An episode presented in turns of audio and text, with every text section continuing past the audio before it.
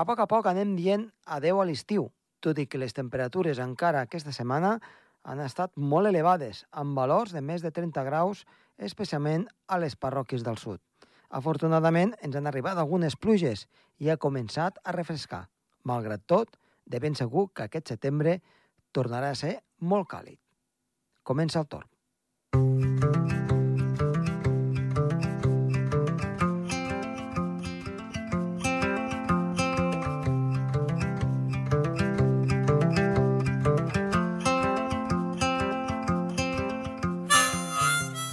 I mentre esperem com ha de ser aquest mes de setembre i quines temperatures o precipitacions hem de tenir, els mapes no ens auguren eh, unes precipitacions massa abundants, però haurem d'esperar. Avui tenim en Pere Moliner, que ens parlarà sobre els misteris i l'origen de l'univers, un tema que ha de ser molt interessant. Som-hi!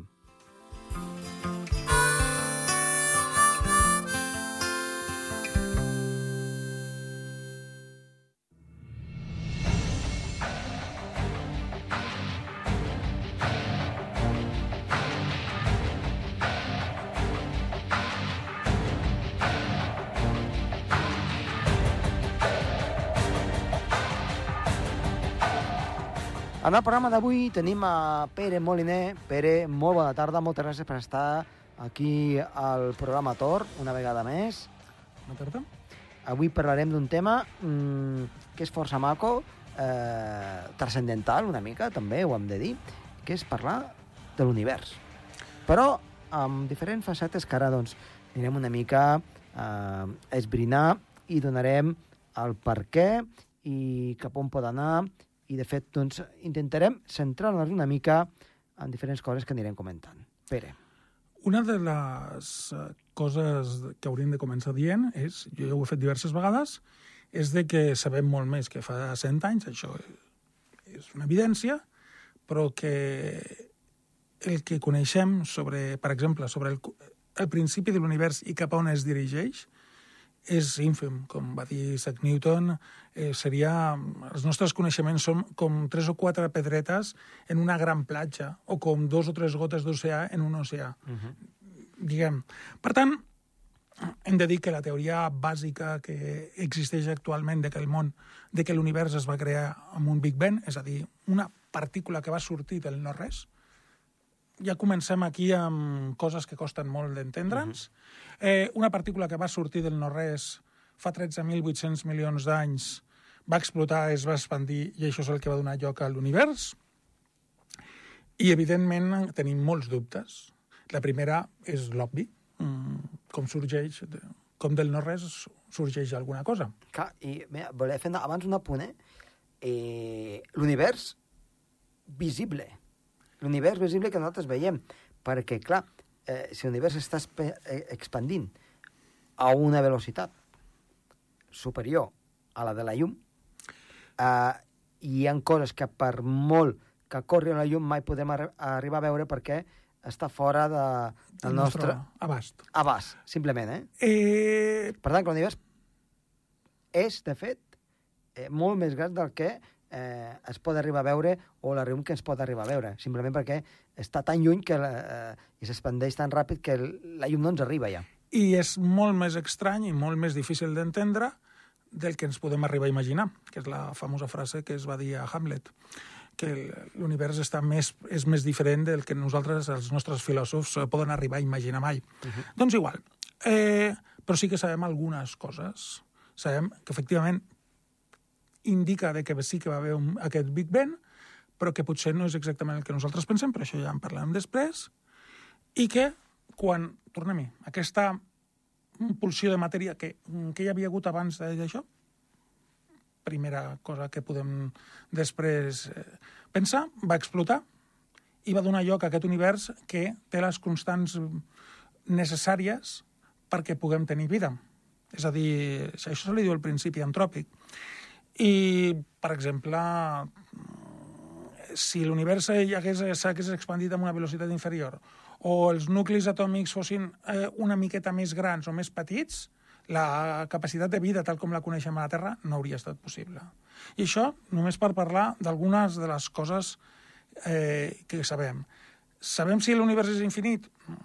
Tot sembla indicar que no és infinit com es pensava, per exemple, en l'època d'Einstein, però, però quasi, quasi. Tornem amb les especulacions. Què hi ha on no hi ha res? És que semblen dos conceptes uh -huh. difícils. Hi ha diverses teories eh, que ho posen, que ho volen simplificar, però que finalment ho compliquen. Però ho, ho donen una explicació. Hi ha una eh, que bàsicament surt de la teoria de les cordes. La teoria de les cordes, per als, als que no el coneixen, jo l'he explicada més una vegada, és una teoria que diu que no són les quatre, que no tenen estem en les quatre dimensions habituals, és a dir, espai, temps, matèria, ample, ample llarg, alçada, ample, llarg, alçada i temps, sinó que estem en unes entre 10 i 12 dimensions, les altres 8 dimensions, per entendre'n, són més petitetes, eh, i aquesta teoria vol donar resposta doncs, a un dels misteris, que és que eh, només coneixem el 5... De l'univers visible, ja no parlo del que no coneixem, de l'univers visible només coneixem al voltant del 5%. L'altre 70% és energia fosca i l'altre 20, 20 i escaig per cent, 24-25% és matèria fosca. Uh -huh. Què vol dir això? Que no sabem què és. Sabem que hi ha alguna cosa però no es coneix. Llavors se li diu energia i matèria fosca però podrien ser altres coses, altres comportaments que desconeixem. Clar, perquè la gent pensa, i per què això? Doncs simplement perquè quan eh, eh, els astrofísics, astrònoms, fan el balanç de masses, simplement, veuen que el, el pes, diguem-ne, del que es veu, doncs és molt, molt inferior al, al, al que no es veu, està descompensat. Això vol dir que, mm, així com, per exemple, abans has citat a Newton, Newton va ser sobrepassat per Einstein, és evident que es necessitaria un nou Einstein, que no sembla que estigui arribant, eh, per quadrar totes aquestes... una teoria de l'univers que abarqui moltes més de les coses que no coneixem. Per exemple, mm, Clar, la matèria i l'energia fosca, Uh -huh. Parles de la teoria unificada, suposo. una teoria unificada, però i també, un, una, i també una possible especulació sobre l'origen de l'univers. Uh -huh. Això té importància? Doncs bé important. Té una relativa importància i no només filosòfica. Però, si surt, ja ho explicarem. Hi ha una d'aquestes teories que diu de que, bueno, de que l'univers, eh, de que en realitat eh, per què l'univers té aquestes explicacions, de la, per què té aquestes condicions que permeten la vida? Per casualitat, però perquè no som perquè l'univers conegut, que va, si la nostra galàxia té unes 300.000 estrelles com el sistema solar, i com a mínim hi ha 300.000 galàxies, segurament més, amb 300... és a dir, hi ha un nombre inabordable d'estrelles, de, però no infinit, però és a dir, una cosa monstruosa però no infinita, eh, haurien altres universos.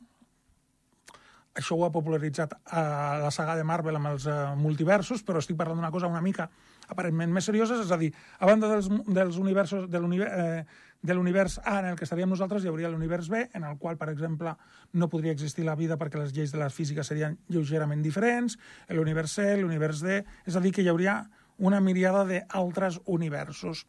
Quina importància té això? De moment no ho sabem. Mm, L'especulació indica de que els forats alguns forats negres podrien servir per connectar com si fossin portes d'un univers a un altre. Uh -huh. Però la importància que té això és... Té dues importàncies, una filosòfica i una altra més de quadrar de quin és el nostre origen. Quina... La importància de quadrar quin és el nostre origen doncs seria molt senzilla. Ni idea de quin va ser l'origen de l'univers, potser és una cosa cíclica, és a dir, que, que no, no hi ha hagut un principi i no hi haurà un final, sinó que està passant, però això de, els pobres mortals, com jo, és el meu cas, Explota el no, cap directament. explota, ens explota el cap directament.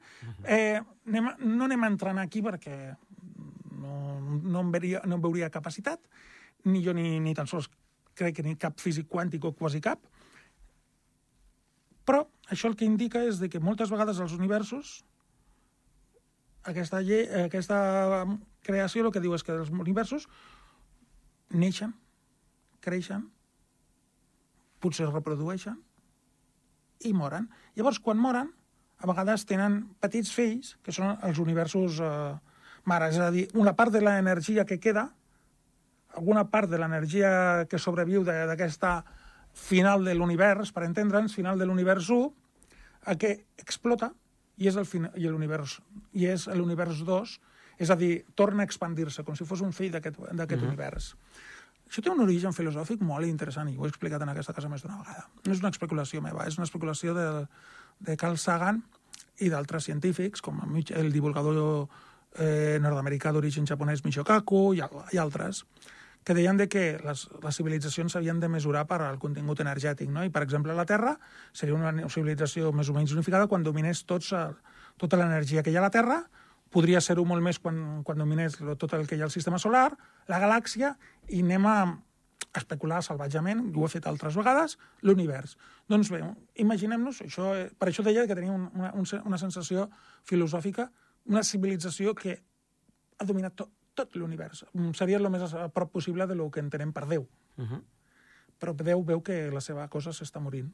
Pot crear, pot crear, pot crear pot crear una supervivència d'ell o de lo que quedi d'ell per seguir expandint-se i seguir potser en la seva forma o tal. Per això, per això com estàs veient, són moltes especulacions. Per què?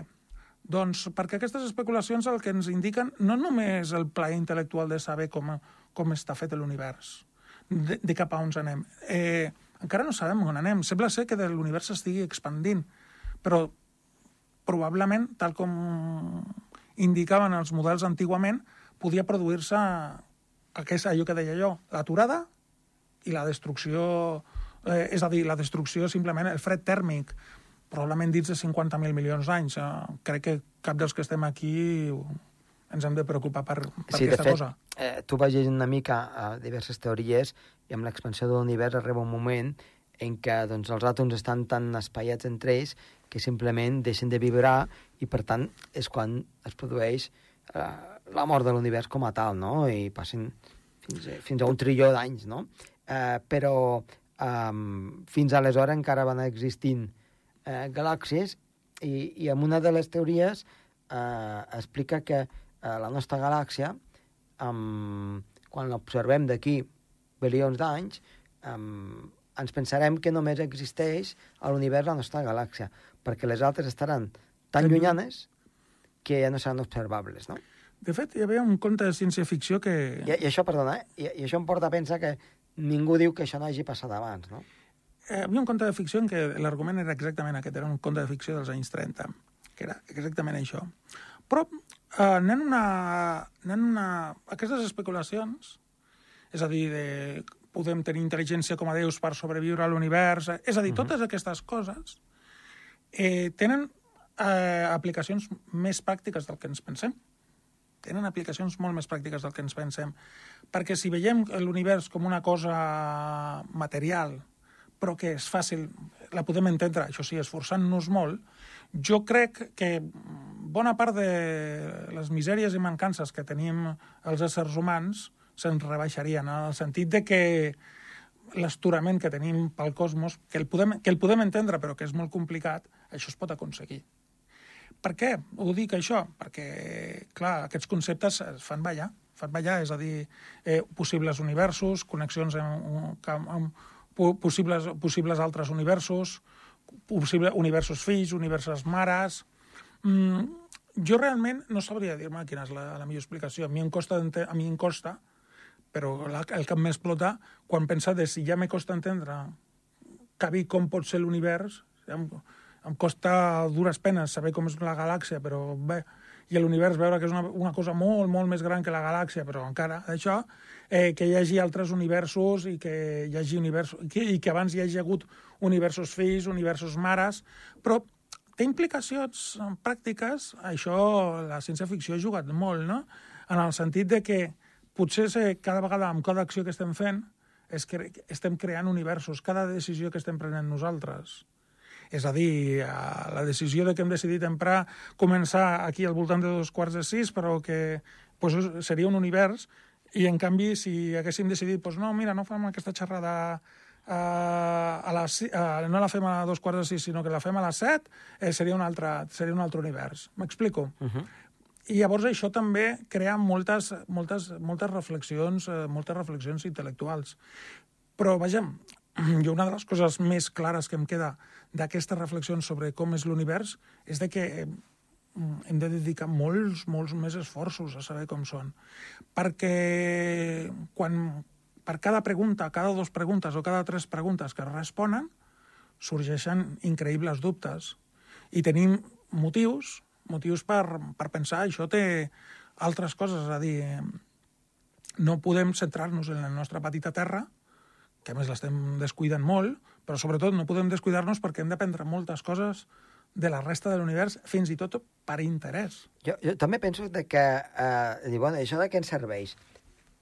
Um, no ens serveix tant descobrir-ho, descobrir les coses que sí, perquè això, doncs, al final tindrà una...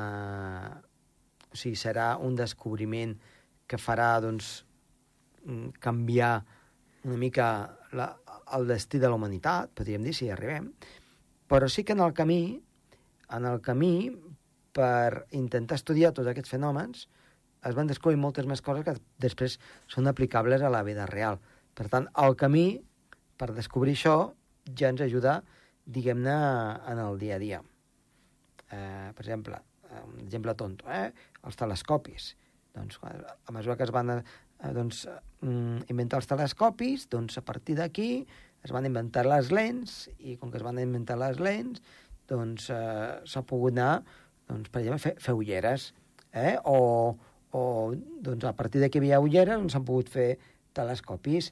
Eh, Però és, és, és etc. més... Dir que no és tan sols eh, el, el, la típica pregunta, això per què servirà? No, no, és que serveix perquè en el camí per descobrir el que pugui ser es fan molt, molts altres descobriments que són molt útils. I, i, i, sobre, és que, i, canviar, I canviar la nostra figura del món. Què vull dir amb això? Els telescopis tenen un origen militar. Militars, eh, els holandesos, que eren els amos dels mars a principis del segle XVII, van inventar els telescopis simplement amb l'objectiu de, de, mirar, Sí, sí. de mirar els vaixells enemics. El... Fin, els telescopis, els... Catarejos aquests, sí, eh, de- sí, sí, sí, ja està, final sí. de la història, no hi ha més. Llavors, eh, el científic Galileo Galilei va decidir eh, recrear aquest sistema quan va descobrir que existia i va apuntar cap a i va apuntar cap a la Lluna, va apuntar cap a, al sistema solar. I quan va veure totes aquestes, tot el que hi havia, Galileo Galilei, que era una persona, un catòlic normal i corrent, doncs va acabar, una, dient el que hi havia, enfrontant-se a l'Església Catòlica, per allò de que és, eh, qui, ha de definir, qui ha de definir el que és la realitat i qui és el que no, amb una derrota al principi però victòria al final, és a dir, i sobretot va ajudar, pues, va acabar destruint el sistema, va acabar, va acabar de destruir el sistema heliocèntric que considerava que el Sol era el centre de l'univers. A partir d'aquí, és a dir, va tenir una implicació eh, filosòfica, filosòfica política important. Uh -huh. Important. És a dir, aquest, el telescopi va servir perquè mentre especulaves amb què hi havia a, la, a altres, altres parts de la, de, bueno, de la galàxia, no? Del Del, sistema solar. del sistema solar, mentre especulaves, te n'adonaves de que hi havia més gent que ho feia pel seu propi compte. Uh -huh. que eh, ara, una de les coses bones que té eh, la investigació de l'univers és que hi ha molt, molts científics amateurs. Què vol dir amb amateurs? Doncs hi ha la ciència col·laborativa, que també l'he explicada més d'una vegada, que és una cosa que m'encanta i que m'agradaria fer, que és simplement doncs, persones, un té el hobby, una persona que tingui el hobby de veure sèries, doncs felicitats, i algú que té el hobby doncs, de veure, de veure eh, l'estrella eh, Casiopea. Llavors, eh, els seus anàlisis doncs, es dedica moltes hores de la setmana a fer, a, a, fer a, a mirar l'estrella Casiopea. Eh, I aquests treballs seran analitzats per científics ja reputats.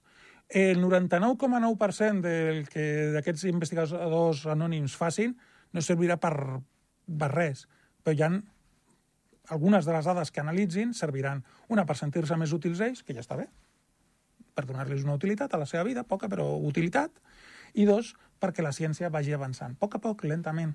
És a dir, implicant a més gent. És a dir, una visió més científica. Al final, amb, amb, aquestes, amb, amb aquest coneixement de l'univers, el que aconseguim és una visió més científica i, per tant, menys passional, menys tribal de la que tenim, de la que tenim nosaltres, perquè quan ens adonem de la gran quantitat de, de coses eh, que hi ha a l'univers, doncs potser ens entra una mica més d'humilitat. Um, abans has dit de que la... s'està buscant una fórmula que eh, pugui resumir l'univers. Una teoria del tot, se li diu, sí. Mm, jo et demano tu, eh, la teva, eh, no té per què haver-hi una teoria que resumeixi tot. No, o sigui, no, perquè a millor aquest camí és erroni, saps? No, Eh. no, no, no té per què estar tot tan ben mastegat. Una de les eh, sorpreses, fins ara, fins ara, no dic jo, eh? Una de les sorpreses de, del, de l'univers és de que les lleis científiques, fins ara, funcionen a totes parts, com a mínim de les, on, on hem pogut veure. Uh -huh. És a dir, que no sembla que hi hagi una llei científica a Andorra la Vella i una llei, i una llei científica diferent a, a Pequín. O no sembla que hi hagi la, la ciència, eh, les lleis les lleis de l'univers funcionin diferents a la Lluna, a Mart o al sistema solar de Sirius que, a, que allà. Per tant, és possible que sí que hi hagi una teoria, del, sí que hi hagi una explicació del tot. Una altra cosa és si tenim la capacitat, si tindrem algun dia la capacitat per arribar-hi. Uh -huh. Però sí que sembla que hi ha unes lleis universals. El més sorprenent de l'univers probablement sigui que sigui molt més fàcil d'entendre, tot i que no per nosaltres, i que fàcil d'explicar i que no sigui tan misteriós com ens creiem. És a dir, que tingui una explicació. Una altra cosa és si podem arribar a entendre-la, si podem arribar a comprendre bona part del que és l'univers, a tenir una teoria del tot de veritat i funcional. Però ens hem anat acostant i, de moment, la ciència ha funcionat. I això és el més meravellós per mi de l'univers, que es pot entendre. No, espera, um, ens quedem amb això. Eh? Anirem parlant, a veure si hi ha doncs, més descobriments al llarg d'aquests de, doncs, propers mesos i ho podem explicar aquí. Moltes gràcies i fins la propera. Fins la propera.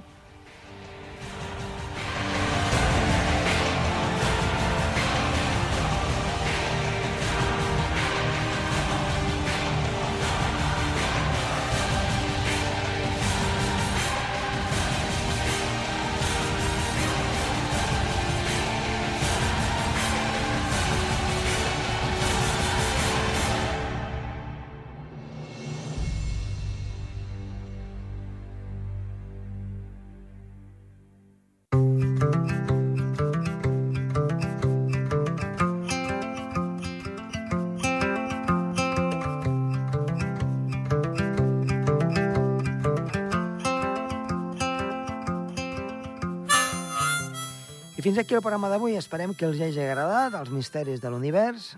Nosaltres ho deixem aquí. Ha estat a les vides som Martí Oliveres i qui els ha parlat amb molt de gust, Josep Tomàs Bosch. Tornem la setmana vinent. Adéu-siau.